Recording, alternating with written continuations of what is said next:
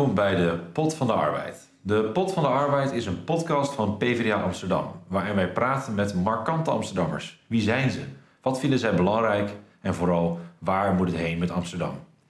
Mijn naam is Julian Verbeek en samen met Igor Runderkamp en Lennart Dorman maak ik deze aflevering. Dit is voorlopig de laatste Pot van de Arbeid, maar we gaan eruit met een knaller. Want welk probleem is in Amsterdam nou beter voelbaar dan de wooncrisis? Daarover spreken we met Evert Bartelema, stadssocioloog, directeur van Stichting Woon en voormalig wethouder in de Westerparkbuurt. Van harte welkom, Evert. Ja. Ehm, ja, weet jij hoeveel mensen een huis zoeken in Amsterdam? Nou, volgens mij zijn het er meer dan 100.000. Uh, ze zullen niet allemaal even actief zoeken, maar... Dat is dus bijna een stadsdeel uh, grootte van mensen die, die op dit moment op zoek zijn naar een huis. En eh, ik, ik zat erover na te denken. Eigenlijk heb je drie problemen. Je hebt, er, is, er is te weinig sociale huur, er is weinig middenhuur en die wordt, of die wordt duurder. En de koophuizen worden steeds duurder. Is, moet je het zo zien of is dat een beetje een... Ja, dat heeft natuurlijk voor een deel ook weer met elkaar te maken. Want, want uh, daardoor uh, zijn die middengroepen juist ook uh, zo slecht af in de stad op dit moment. Dat zowel de middeldure huur als de koopsector voor die groepen steeds minder toegankelijk wordt. Ja. Uh, als je heel veel geld hebt, kom je altijd nog wel, in, uh, kom je altijd nog wel weg. Hè? Dat is natuurlijk een beetje wat er aan de hand is. Ja, ja je moet dus heel veel, heel veel geld hebben. Uh, maar wat is volgens jou dan... Ehm, ja, waar, waar wringt de schoen? Wat is, het is natuurlijk een heel complex probleem... maar wat is volgens jou het belangrijkste? Nou, kijk, het is natuurlijk niet helemaal nieuw dat Amsterdam populair is. um, want uh, altijd al willen meer mensen in de stad wonen dan dat er uh, kunnen worden gehuisvest. Uh, het is nu wel extreem en dat is overigens ook landelijk hoor. Dus, dus het woningtekort is, is landelijk ook nou, uniek. uniek in de zin van negatief dan. wat het enorme tekort is aan, aan woningen, niet alleen in Amsterdam. Dat is niet eerder zo hoog en zo groot geweest. Um, dus het is niet alleen een Amsterdamse probleem. Daar, daar maar even mee beginnen. Ik denk ook dat het, uh, als je een beetje terugkijkt, wanneer is het nou echt ontstaan? Nou, uh, tien jaar geleden had nog niemand het over het woningtekort. Toen had sterker nog uh, minister Blok het genoegen zo'n beetje het ministerie van Volkshuisvesting op te heffen. Het ministerie ja, werd wonen. wonen. Ja. ja, en dat is uiteindelijk ook heel nadrukkelijk helemaal opgeheven. En gewoon onder Binnenlandse Zaken een klein stukje portefeuille geworden. Uh, en daar was hij, uh, uh, en dat is nog geen tien jaar geleden, apen trots op. Wat, wat betekent dat eigenlijk, dat het ministerie van Volkshuisvesting wegging en het wonen werd? Nou ja, dat, volkshuisvesting wonen werd, ja, dat is what's in the name. Ja. Volkshuisvesting klinkt misschien nog een beetje te PvdA-achtig. en dat vond de VVD niet leuk, dan maak je er wonen van. Maar belangrijker is dat uiteindelijk ook dat ministerie van Wonen opgeheven is.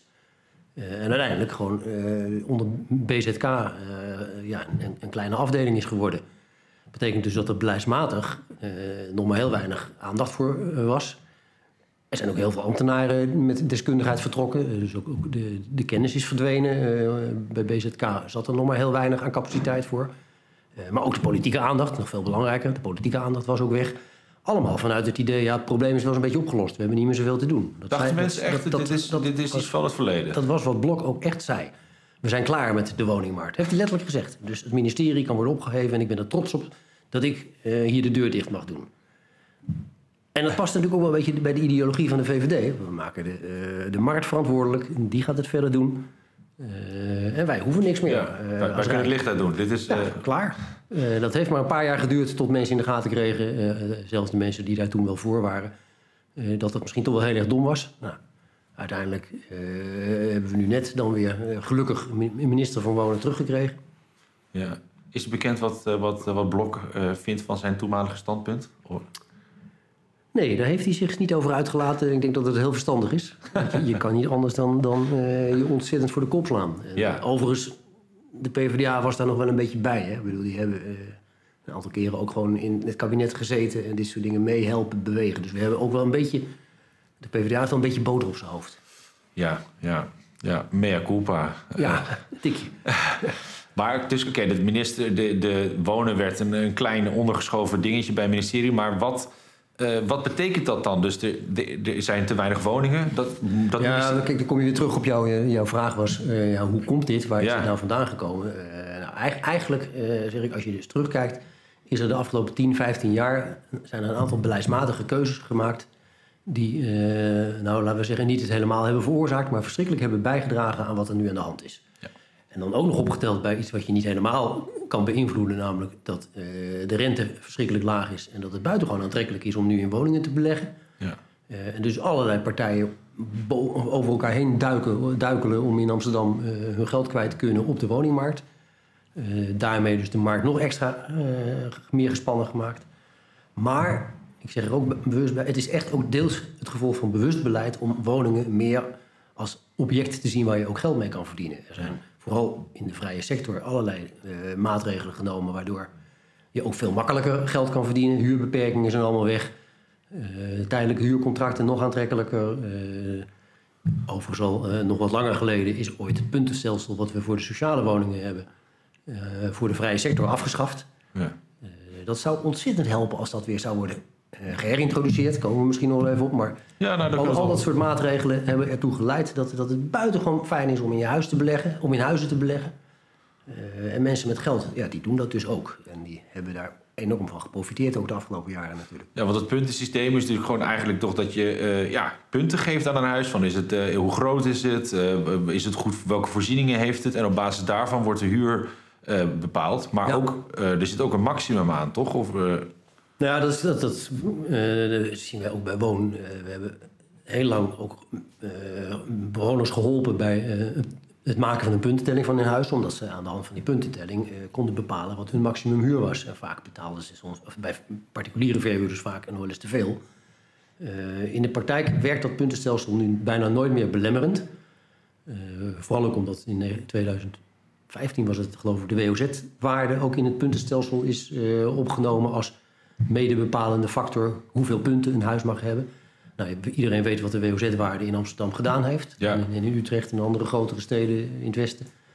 Sky high. dat is een eh, call-or categorie geworden. En wat betekent dat voor die puntentelling, een puntenstelsel? Dat eigenlijk zelfs de kleinste woning, 35 vierkante meter, haal je inmiddels al zoveel punten in Amsterdam, dat je eh, je woning in de vrije sector kan verhuren. En dat betekent eh, een vrije huurprijs, vrije huurprijsstelling.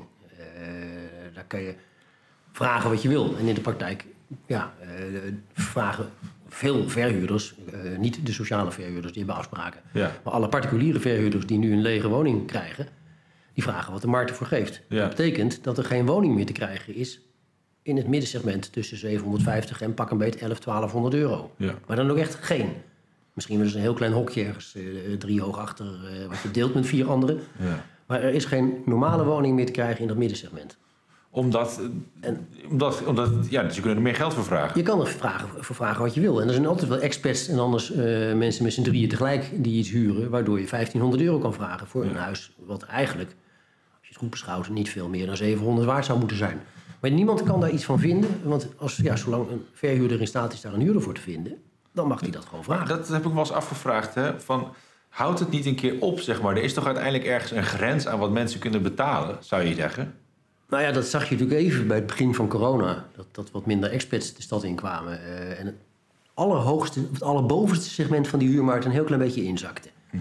Eh, en dan werd het in plaats van 1500, 1300 euro gemiddeld. Het is weer terug naar 1500, want die expats komen alweer voorzichtig. Ja. Eh, ja, en je ziet dus andersoortige oplossingen. Ook mensen die het niet kunnen betalen, die kiezen er dus voor. zie je ook steeds meer in de stad. ook als je dertiger bent, met z'n drieën of zelfs vieren een woning huren. Iedereen een kamer en één eh, gemeenschappelijke. Nou, er zijn allerlei manieren om op die manier dan toch maar die huurprijs van 1500 of 1800 of 2000 eh, op te brengen. En in Amsterdam ook vaak illegaal, want je mag maar officieel met z'n tweeën ehm, eh, in een woning wonen vaak. En dan zit er iemand ingeschreven moet worden bij zijn tante in Leersum, voor, voor mijn part, om dan... eh, ja, dat- Ja, je ziet natuurlijk de gekste dingen. Eh, Ja. er is gelukkig nu inderdaad een, eh, een vergunningstelsel... waardoor het niet zo heel makkelijk meer is om opnieuw of nieuwe eh, woningen toe te voegen op deze manier... eh, die aan vier of vijf of zes mensen worden verhuurd. Dan moet je echt nu aan een aantal voorwaarden voldoen. In de praktijk gebeurt het natuurlijk nog steeds en, eh, op allerlei manieren. Maar, maar dit is dus een, on- eh, zeg maar een van de manieren om toch altijd maar weer eh, ja, die, die hoge huurprijs op te brengen. Ja. Eh, en, en eigenlijk, en ik roep het al heel lang, eh, is er een hele eenvoudige manier om daar iets aan te doen. Oh, Namelijk dat woningwaarderingsstelsel, die punten, puntentelling, ook van toepassing verklaren op eh, alles boven de 750 euro. Oftewel, eh, alles boven de sociale, sociale huurgrens. Ja. Iedereen kent dat systeem. Sommige mensen roepen wel eens het is een beetje ingewikkeld. Nou, waarom iets wat onder de 750 wel werkt, ook al is het wellicht voor sommigen een tikje ingewikkeld, maar niet toepassen voor alles daarboven. Als je dat zou doen, dan zou je in één klap eh, een heleboel woningen weer terugbrengen in dat middensegment. Die nu voor Maar 15, je zou ook 1600 heel veel mensen eh, eh, in hun ogen duperen. De, de, degene die van wie die huizen zijn. Want dat zijn de mensen die er ongetwijfeld ook tegen zijn. Dat is de, de politieke tegenmacht in Ja. dit geval. Nou ja, dus je moet natuurlijk sowieso opletten hoe- je zoiets introduceert. Maar op het moment dat je daarmee start, dan weet ook een verhuurder die zo'n huis koopt. kijk, die heeft de afgelopen jaren natuurlijk een, een rekensommetje gemaakt waarmee die sky high kon. Ja, Eh, en daar heeft hij wellicht ook die hele hoge prijs voor betaald voor die Ja. woning. Als hij net de afgelopen paar jaar gekocht heeft. ja.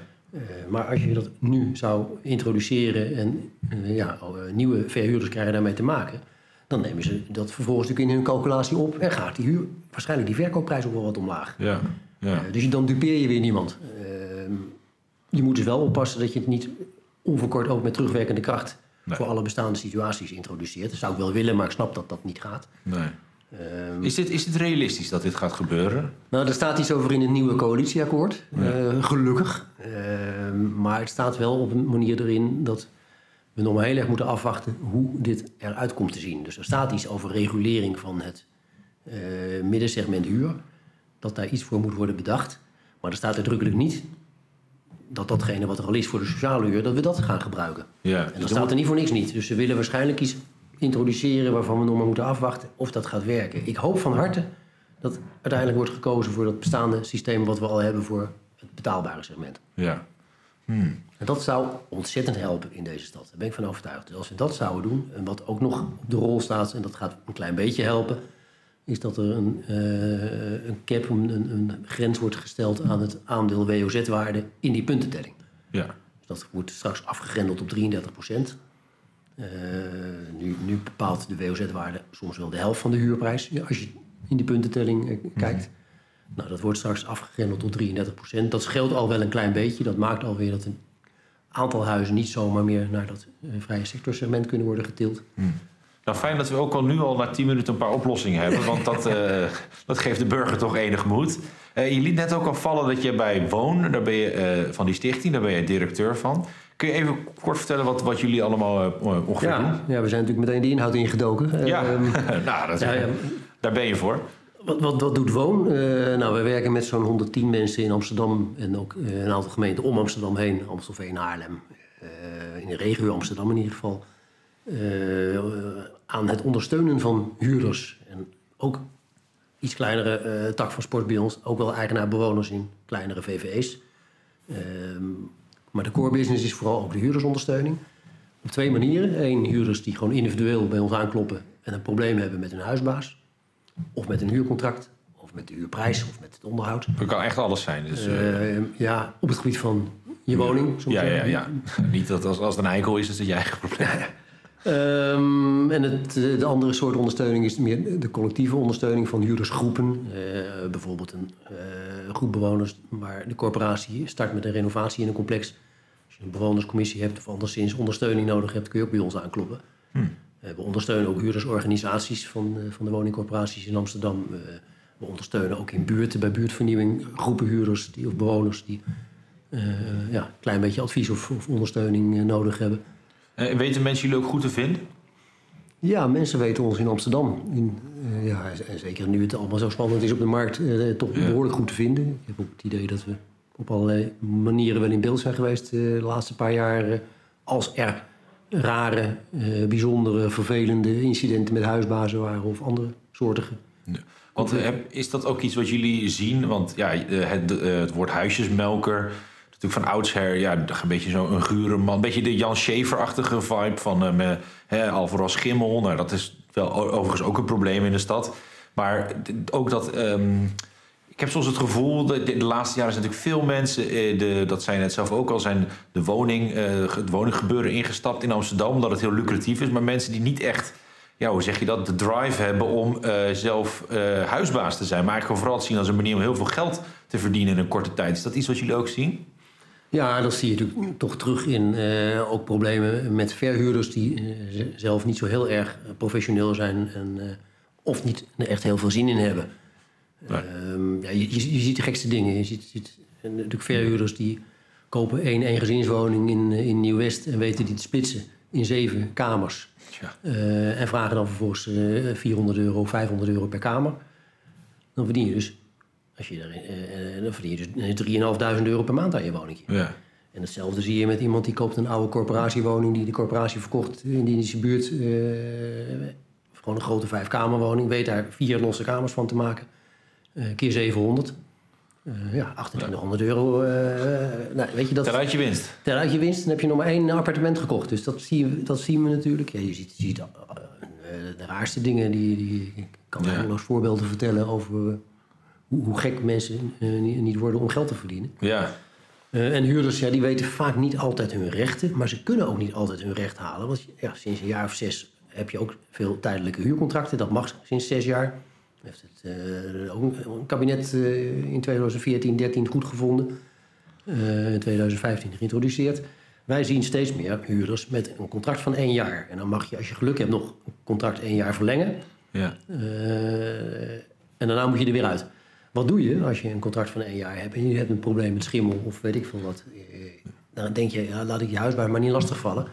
Want straks krijg ik over twee maanden die verlenging niet. Nee. Maar hoe, kunnen jullie die, me- hoe helpen jullie die mensen nog? Of is dat dan gewoon echt eh grote... Nou ja, er zijn dus mensen die dan niet om die reden überhaupt bij ons komen. Nee. Eh, en er zijn ook mensen die wel bij ons komen omdat het echt een serieus probleem is. En die helpen wij wel. En dan, ja, Ja. dan proberen we dat natuurlijk wel zo te organiseren dat de huurder dan in kwestie daar niet meteen de dupe van is.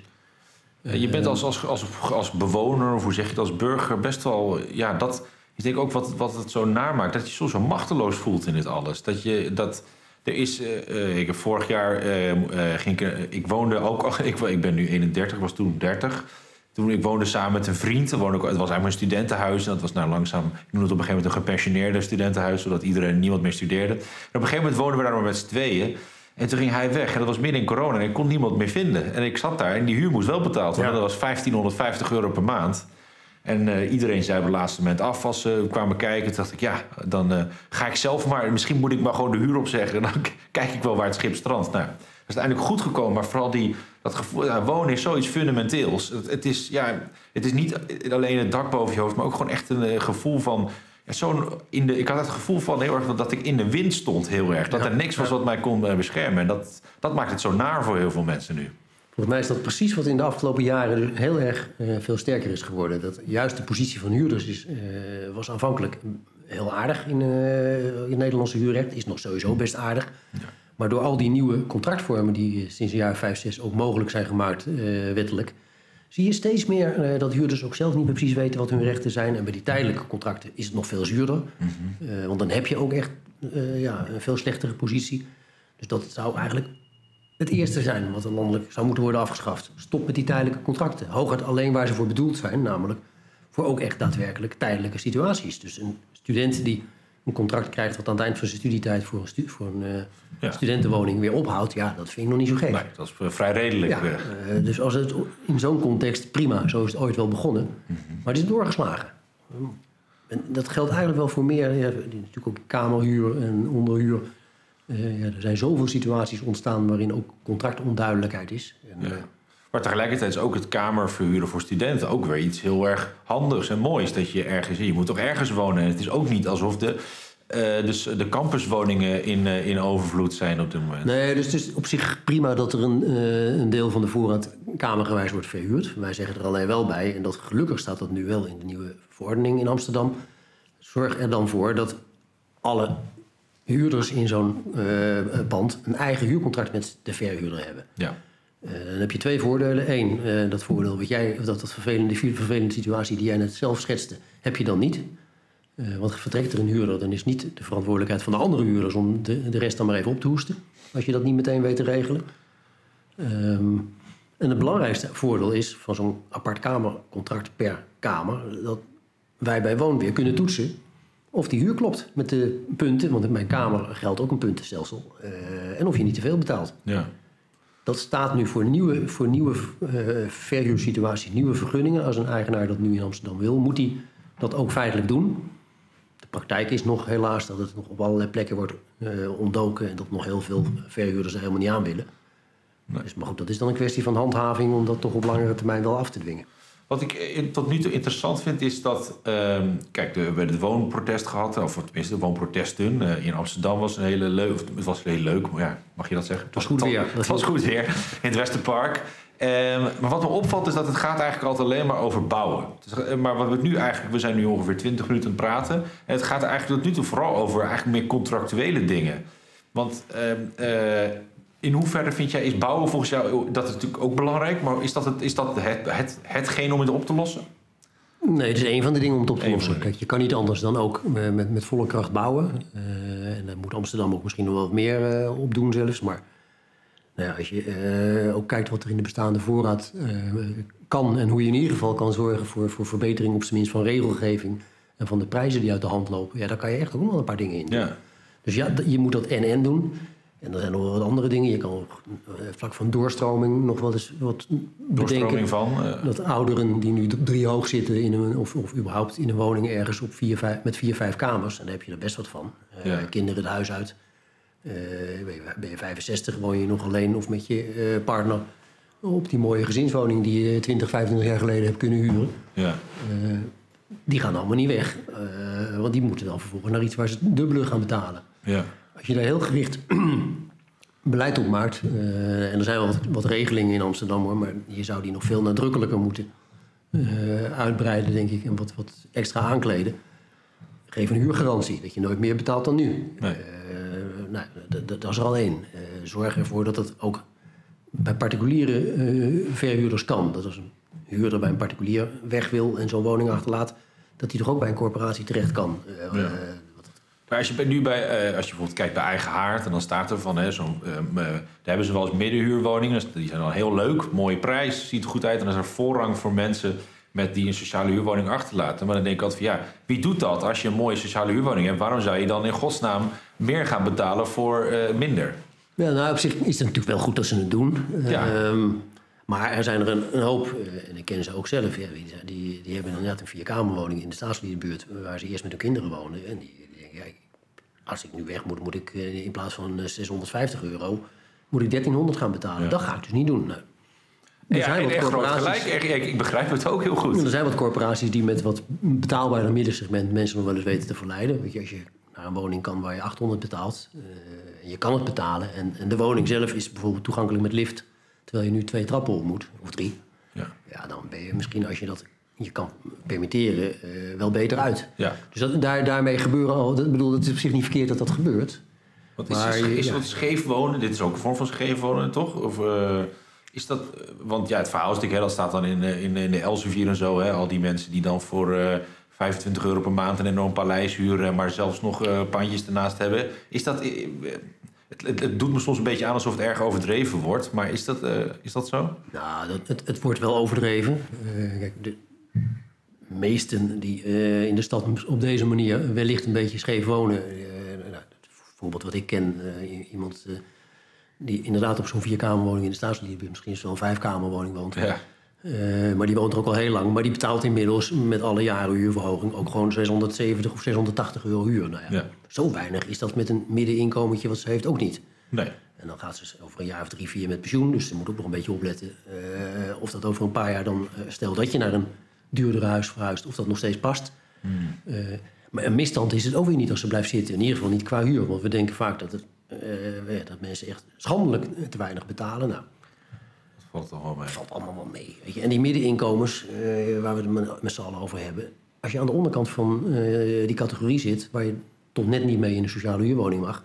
maar dan verdien je nog steeds niet zo heel veel. Hoor. Nee. Dan heb je het over 2.500 netto... Ja. waar je dan al dus minstens 750 euro voor moet gaan afdragen... als je eh, een huurwoning wil zoeken in het middensegment... ja. omdat je niet onder die 750 kan. Nou, En je krijgt er geen, geen, eh, vaak geen eh, huursubsidie en allerlei Nee, andere dingen niet. Dus dan ben je toch al vrij snel... eh, En die 750, of eh, zeg maar dat hele segment tot 11, 1200 euro bestaat nog niet eens. Maar goed, stel dat het wel bestaat. Corporaties hebben natuurlijk wel een beetje bezit in dat segment. Ja. Dan nog moet je niet bedenken dat dat nou zo, zo makkelijk gaat hoor. Als je een laag middeninkomen hebt. Ja. Maar terug even naar bouwen, want eh, Igor Ja. die, die bereidt het altijd supergoed voor. Dus ik, eh, en die, die, die, een statistiek, hoe kan het dat het aantal opgeleverde nieuwbouwwoningen in 2020 op het laagste niveau zit sinds 2014? Ik vond het een, een duizelingwekkende eh, gedachte. Ja, weet je, dat, dat is altijd wel weer een apart verhaal. omdat al die nieuwbouwprojecten in de stad hebben natuurlijk een voorbereidingstijd van 10, 20 jaar. Ja. In mijn wethouderstijd, dat was tot 2006 in Westerpark, heb ik al heel hard gewerkt aan de houthavens. Eh, alles aan voorbereidingen. eh, de, hele teken- de hele plattegrond van hoe die wijk er nu uitziet, lag toen al klaar. Eh, nou ja, hij is nu nog steeds in aanbouw. Nu is het denk ik drie kwart af. Ja. Misschien net iets, iets meer nog. Maar dat is pas een paar jaar geleden echt begonnen. Ja. Dus zo lang duurt dat dus. Dan zijn we Ja. eh, 15 jaar, bijna 15 jaar verder. Ja, eigenlijk zeker 15 jaar verder voordat het echt iets wordt. Daar zat een crisis, crisis tussen, dat heeft toen niet geholpen. Maar 10 jaar ben je echt al gauw bezig in deze stad. Wil je een beetje flinke locatie toevoegen. Ja. Dus als er in Ja, wat vind je 2020... ervan? Wat vind je ervan geworden? Ik, kom even, ik, Ja. ik, ben, ik vind het een hele leuke wijk geworden, overigens. Alleen veel te eenzijdig duur. Eh, we hadden bij de start veel meer sociaal bedacht. Is er allemaal uitbezuinigd. Hmm. Maar goed, nou, een beetje een apart verhaal nog. Maar, eh, dus waarom in 2020 ineens zo'n dip? Vaak moet je dan al tien jaar terugkijken. En we hebben natuurlijk in die periode ook eh, een college gehad met Maarten van Poelgeest, wethouder eh, GroenLinks, op de portefeuille eh, grondbeleid en dergelijke. Die heeft gezegd, nu even stoppen met alle, groot deel van de projecten in de portefeuille, want we gaan ze allemaal straks niet verkopen. Dat vond iedereen toen heel verstandig. We hebben straks anders een veel te groot, groot planaanbod. En het kost ons als gemeente heel veel planvoorbereidingsgeld. Dus nu even de helft dimmen.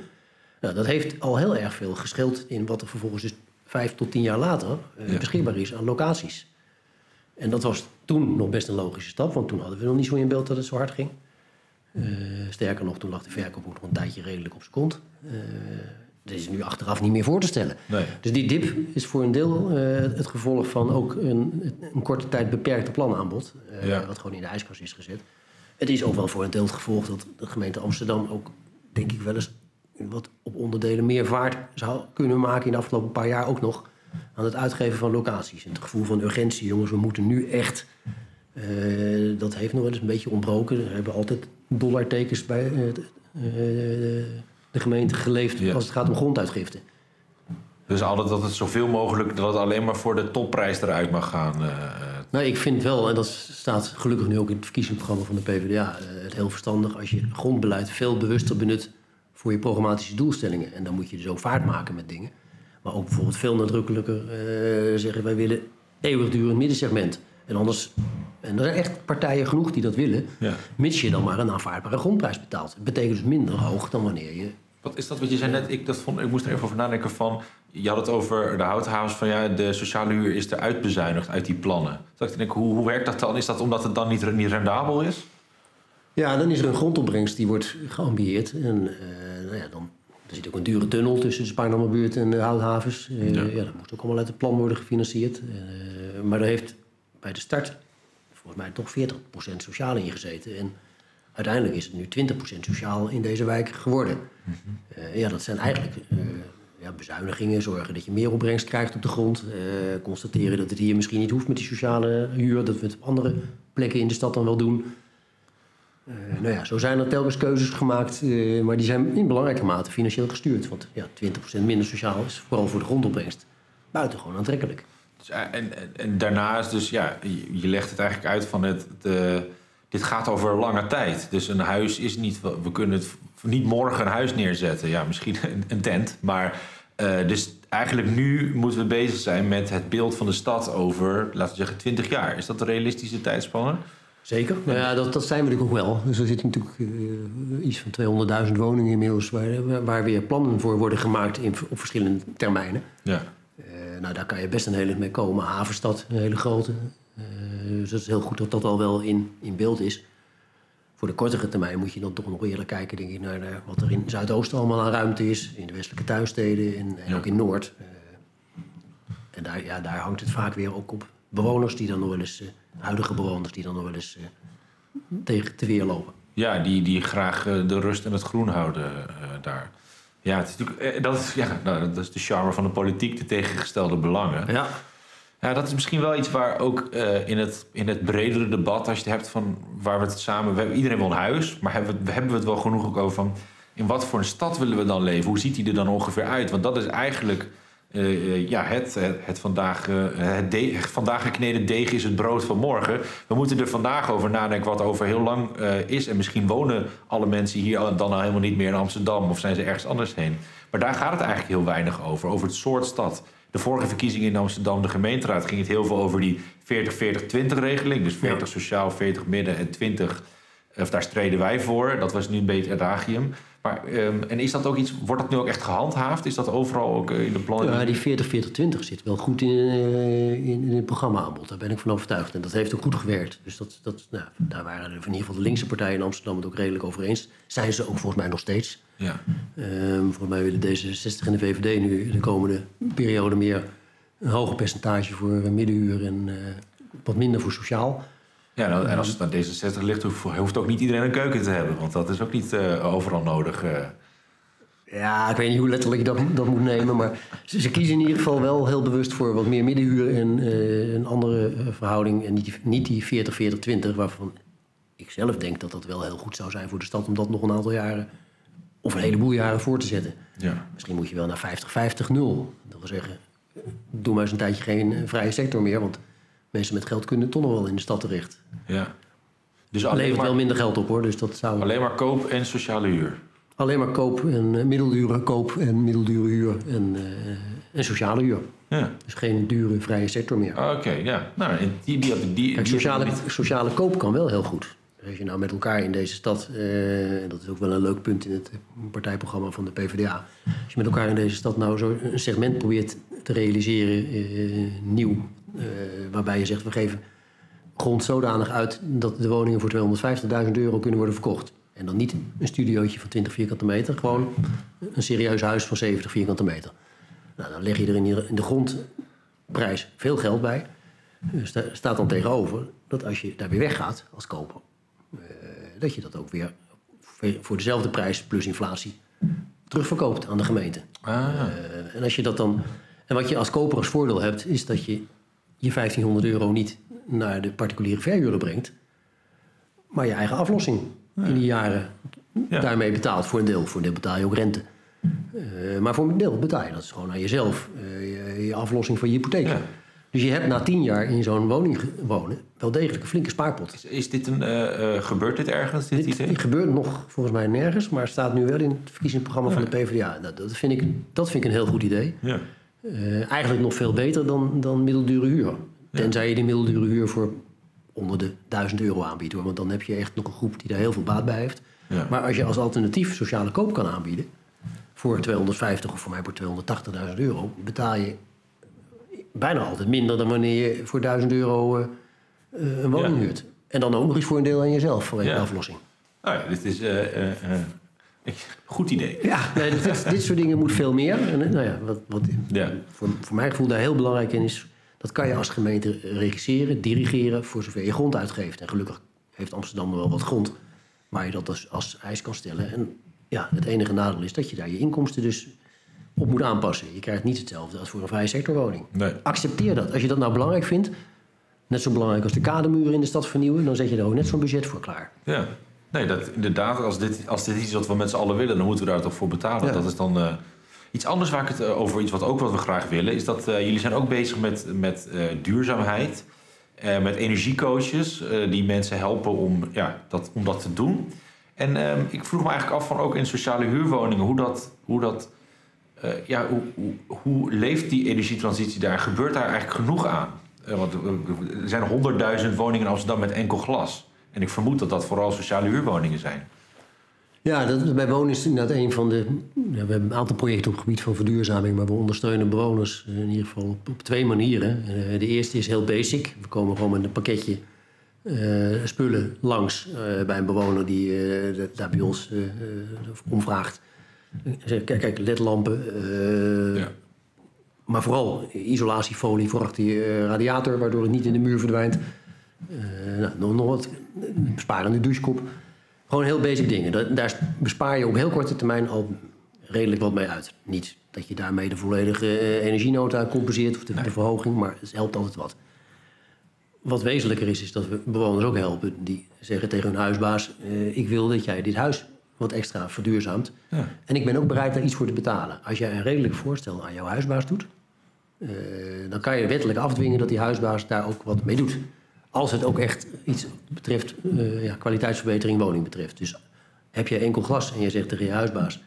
ik ben best bereid 20 euro per maand meer te betalen... mits jij daar dubbel glas van maakt. Dan moet je het rekensommetje ook wel even maken... dat, hij dat, dat je kan aantonen dat hij daar die investering van kan betalen. Ja. Dan moet die huisbaas daar ook iets mee doen. Dus wij ondersteunen huurders. Dat kunnen huurders natuurlijk niet zo makkelijk in hun eentje. Maar Nee. als een huurder bedenkt dat hij dat wil, of een bewonerscommissie, gaan wij helpen met nou, hoe ziet dat redelijke voorstel aan die huisbaas eruit. En zo nodig helpen we ook bij het juridische traject. Eh, nou, dat, dat is, maar goed, dat zijn dingen die wij vanuit Woon op kleinere schaal doen. Eh, natuurlijk veel belangrijker is dat je op stedelijk niveau ook het gesprek voert met eh, de corporaties om te beginnen. Zorg de komende jaren nou ook voor je eigen bezit dat alles wat nu nog label F of G is, binnen de kortst mogelijke tijd gewoon label B is. Ja. Ehm, harde afspraken maken. Zorg, want dat, betaalbaarheid eh, is een hoofddoelstelling bij de corporaties, eh, bij de gemeente. Verduurzaming is een hoofddoelstelling. eh, kwaliteit. Eigenlijk valt hier bij dat punt alles samen. Als jij zorgt dat je je huis korte termijn goed isoleert, dan maak je voor de huurder het, ja, de, de energierekening veel lager. Daarmee wordt de betaalbaarheid maximaal gediend. Voldoet aan de, de ambitie om CO2-uitstoot te verminderen, want het huis wordt duurzamer. Wordt vaak ook nog comfortabeler. Eh, schimmel verdwijnt. Kortom, eh, nou, daar zouden de corporaties iets moeten, aan moeten doen. 100.000 woningen die nog enkel glas hebben in de stad, die zitten overigens niet alleen maar bij de corporaties. Die zitten vaak ook bij, vooral ook particuliere verhuurders binnen, de, ja, binnen ook wel buiten de ring. Maar, Ja. en dat zijn 100.000 woningen waar enkel glas is. wil niet zeggen dat daar alles enkel glas is. Soms alleen nog maar bovenraampjes, eh, eh, soms alleen de achterkant. ja. Eh, volgens mij is nog iets van 50.000 woningen hebben alleen nog enkel glas. Dat is ook nog heel veel. Dat is ook veel. Daar valt een enorme winst te halen. Dus voor je de daaropvolgende stap zet naar aardgas vrijmaken, zou ik zeggen in de stad: jongens, eh, zet eerst alle aandacht op het verbeteren en het eh, ja, eh, de dubbelglas eh, verduurzamen. Gewoon basic isolatie, spouwmuur, dak, vloer en, dubbel, en dubbelglas. En het allermooiste wat nog zou helpen als ze landelijk bereid zouden zijn om in de regelgeving op te nemen dat enkel glas een gebrek is. Dus dat je naar de huurcommissie kan stappen en zeggen: Ik heb enkel glas. Dat betekent dat mijn huur 100 euro omlaag mag. Dat ehm, vind ik ook een mooi eh, om dit gesprek te besluiten. Evert, ik heb, echt, ik heb weer hoop gekregen over de wooncrisis. Er is volgens mij veel meer aan te doen dan alleen maar huizen bouwen. En er zijn veel goede ideeën. Ik vind het ook eh, fijn te horen dat die ook in PvdA-kringen worden, worden ge- gebezigd en geopperd. Ehm, we sluiten deze podcast altijd met de vraag van welke plek in Amsterdam zou je mensen aanraden om een keer naartoe te gaan. Dus die wilde ik ook aan jou stellen. Ja, ik, ik, hou altijd wel van plekken in de stad die, die onverwacht zijn. Eh, eh, en daar zijn er wel een aantal van. Ik heb er eentje, die, die, dat is een hele bijzondere, de Harmoniehof. In Zuid is dat. Dat is een heel stil hofje, een heel mooi vijvertje, perkje. eh, vlak achter het Roelof Hartplein, doodstil. prachtige huizen eromheen. Eh, en dan kom je uit de, de, de, de enorme drukte van de stad. eh, en je slaat één hoekje om. En dan zit je op zo'n prachtig hofje. Je, je hebt er nog een paar. Linnaeushof Ja. in Oost. eh, er zijn er in, in, in Zuid heb je natuurlijk nog wel een paar plekjes. Maar ik vind de Harmoniehof is denk ik wel de mooiste. Ja, dat is echt inderdaad, daar ben ik het helemaal mee eens. Dat is echt de, ja, een, een beetje een, een klein hofje van Eden waar het helemaal, eh, waar je helemaal kan wordt. Dankjewel Evert eh, voor dit gesprek. Eh, deze podcast, voorlopig de laatste pot van de arbeid. We gaan er even tussenuit. Je kunt ook luisteren naar de podcast Rood van Marjolein Moorman. Die raad ik van harte aan. Eh, deze podcast werd gemaakt door mij, Julian Verbeek, Lennart Doorman en Igor Runnerkamp. Dit was de pot van de arbeid. Dankjewel voor het luisteren.